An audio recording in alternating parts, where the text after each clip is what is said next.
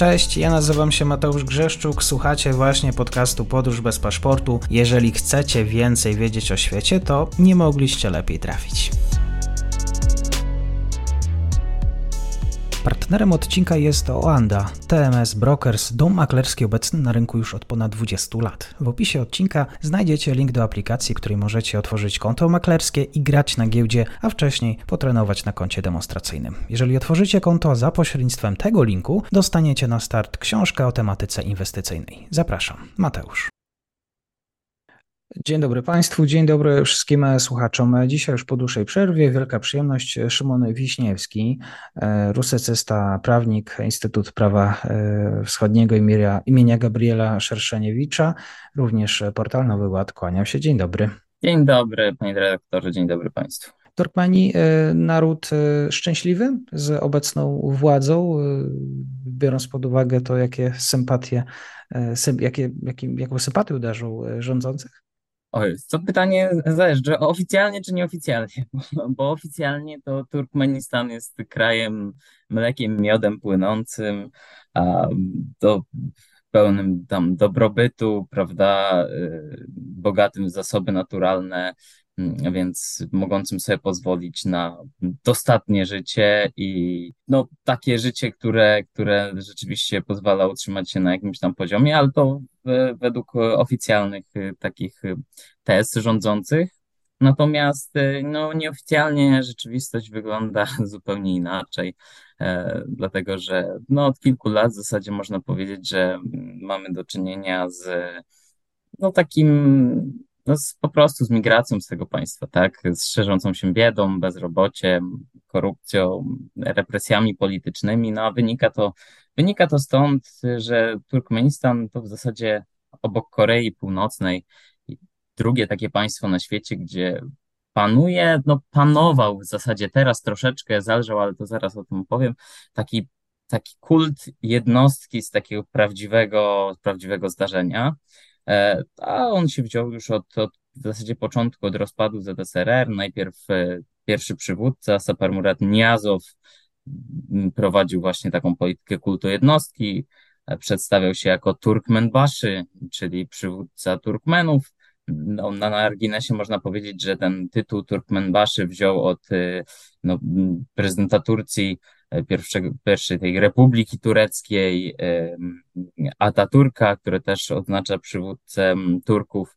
No a później już wracając do Turkmenistanu, to e, obecny e, ojciec obecnego prezydenta, ale też e, głowa parlamentu, y, wyższej, wyższej izby parlamentu, Gurbungoły Berdi Mohamedow, e, no, przyjął taki przydomek y, Arkadak, czyli patron, y, ojciec Turkmenów.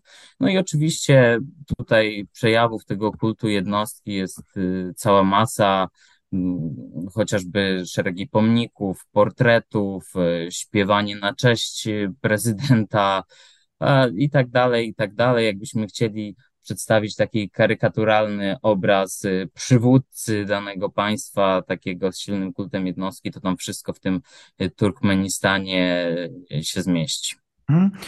Wydaje mi się, że powinno być zupełnie inaczej, biorąc pod uwagę nawet ostatnio przypomnieliśmy sobie dzięki e, kwestiom z ogromnym e, złożom, złożom gazu, bo Turkmenistan posiada czwarte największe złoża gazu ziemnego na świecie, no ale oczywiście to jest kwestia dostępu do europejskiego e, rynku. Napisałem, e, zaprosiłem Cię do rozmowy, żeby porozmawiać o tym, że no, Turkmeni jednak w tym takim może oficjalnym zadowoleniu e, zarzucają rządowi ukrywanie spadku liczby ludności. Ilu właściwie jest Turkmenów oficjalnie, a ilu nieoficjalnie? No więc oficjalnie na podstawie spisu, który był przeprowadzony pod koniec ubiegłego roku, jest ponad 7 milionów ludzi. E, I ta liczba jest e, oficjalna i można powiedzieć, że nieprawdziwa, dlatego że pojawiają się głosy, mm, szczególnie wśród kręgów opozycyjnych, które no nie zamieszkują Turkmenistan, tylko najczęściej inne państwa zachodnie, chociażby Belgię czy Holandię, które zarzucają temu spisowi w ogóle sposób przeprowadzenia, no, zarzucają mu kwestie metodologiczne, ale też po prostu takiej zwykłej uczciwości, tak?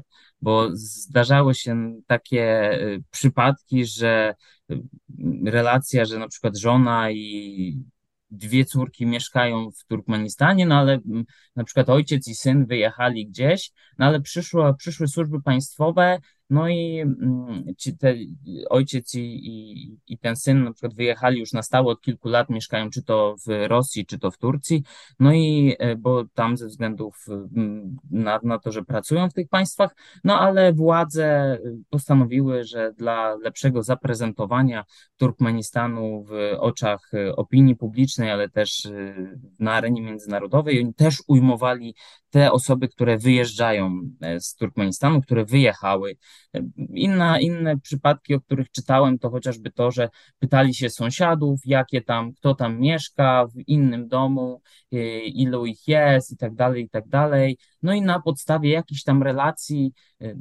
tych, tychże sąsiadów, oni wysnuwali wnioski dotyczące tego, ile osób mieszka w danym w danym miejscu, w danym mieście i tak dalej. Więc, więc tutaj rzeczywiście można dużo zarzucić e, samej metodologii, ale też po prostu zwykłej uczciwości. No, skąd to się bierze? No, ja już mówiłem to o tym, o tym kulcie jednostki, o tym chęci pokazania państwa jako krainy mlekiem miodem płynącym, krainy dobrobytu, wszechobecnej kontroli, e, no i takie państwo, które podejmuje takie środki, które chce przedstawić siebie jako taki silny aparat zorganizowany i e, kontrolujący swoich obywateli, ale po prostu jako takie państwo bardzo dobrze funkcjonujące, no to nie może sobie pozwolić na to, żeby przedstawić, że na przykład w ciągu ostatnich iluś lat, kilku w szczególności, e, doszło do eksodusu miliona, dwóch e, z, z, z Turkmenistanu ludzie, którzy wyjechali za pracą najczęściej do Turcji, ale również y, do, do Rosji, no to są przypadki, którymi się, y, którymi się spotykamy w tych y, państwach, więc no te dane przedstawione przez państwo, one nie są, przez Turkmenistan, one nie są e, obiektywne, one nie są prawdziwe. E, z drugiej strony opozycja mówi o, o, o kilku milionach, o dwóch, trzech, czasem się mówi o czterech milionach. Też nie jest to tak, że jesteś, ta opozycja jest w stanie mm, do końca oszacować, ile tych mieszkańców rzeczywiście mieszka w Turkmenistanie, no bo jeżeli nie jesteś aparatem administracyjnym, to też trudno ci przeprowadzić taki spis, trudno ci oszacować. No, no można mówić o, o spadku, nie wiem, ja bym powiedział kilku milionów, no to jest y, może nie siedem, może to jest pięć milionów, tak? Trzeba by przeprowadzić ten spis rzeczywiście uczciwie, żeby mo można dojść do przekonania, ile tych Turkmenów jest w rzeczywistości. Na pewno nie jest e, ich tyle, ile mówi państwo, na pewno nie jest ich tyle, ile mówi e, opozycja.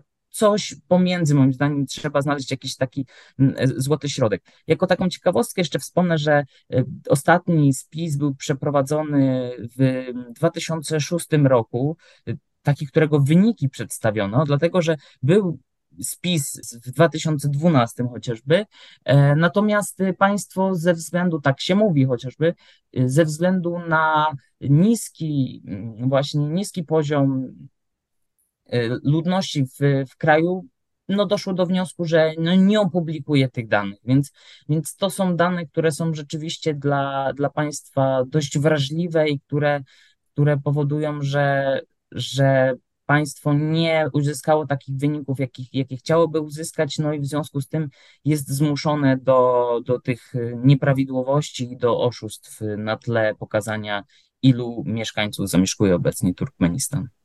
Tak jest. E, I, rozumiem, że w najbliższym czasie pod kątem gospodarczym e, nie zmieni się zbyt wiele. Nie spodziewałbym się, żeby, żeby coś się w tym kraju zmieniło. E, rolnictwo, które jest jednym z głównych takich działów e, gospodarki, na które stawia państwo turkmeńskie, no jest rolnictwem nieefektywnym, no ze względu na to, że panuje w Turkmenistanie właśnie ten kult jednostki, Turkmenistan jest państwem bardzo zamkniętym, e, zamkniętym na zagraniczne technologie, zamkniętym na handel, zamkniętym na wymianę know-how i tak dalej, i tak dalej, więc więc y, rolnictwo jest bardzo zacofane. No a dru drugim takim, drugą taką nogą, na którym stoi Turkmenistan jest oczywiście sektor energetyczny, a tutaj też mamy do czynienia z, oczywiście z ogromnym bogactwem, no ale też w zasadzie Turkmenistan jest uzależniony od dostaw do Chin. Infrastruktura energetyczna jest bardzo przestarzała.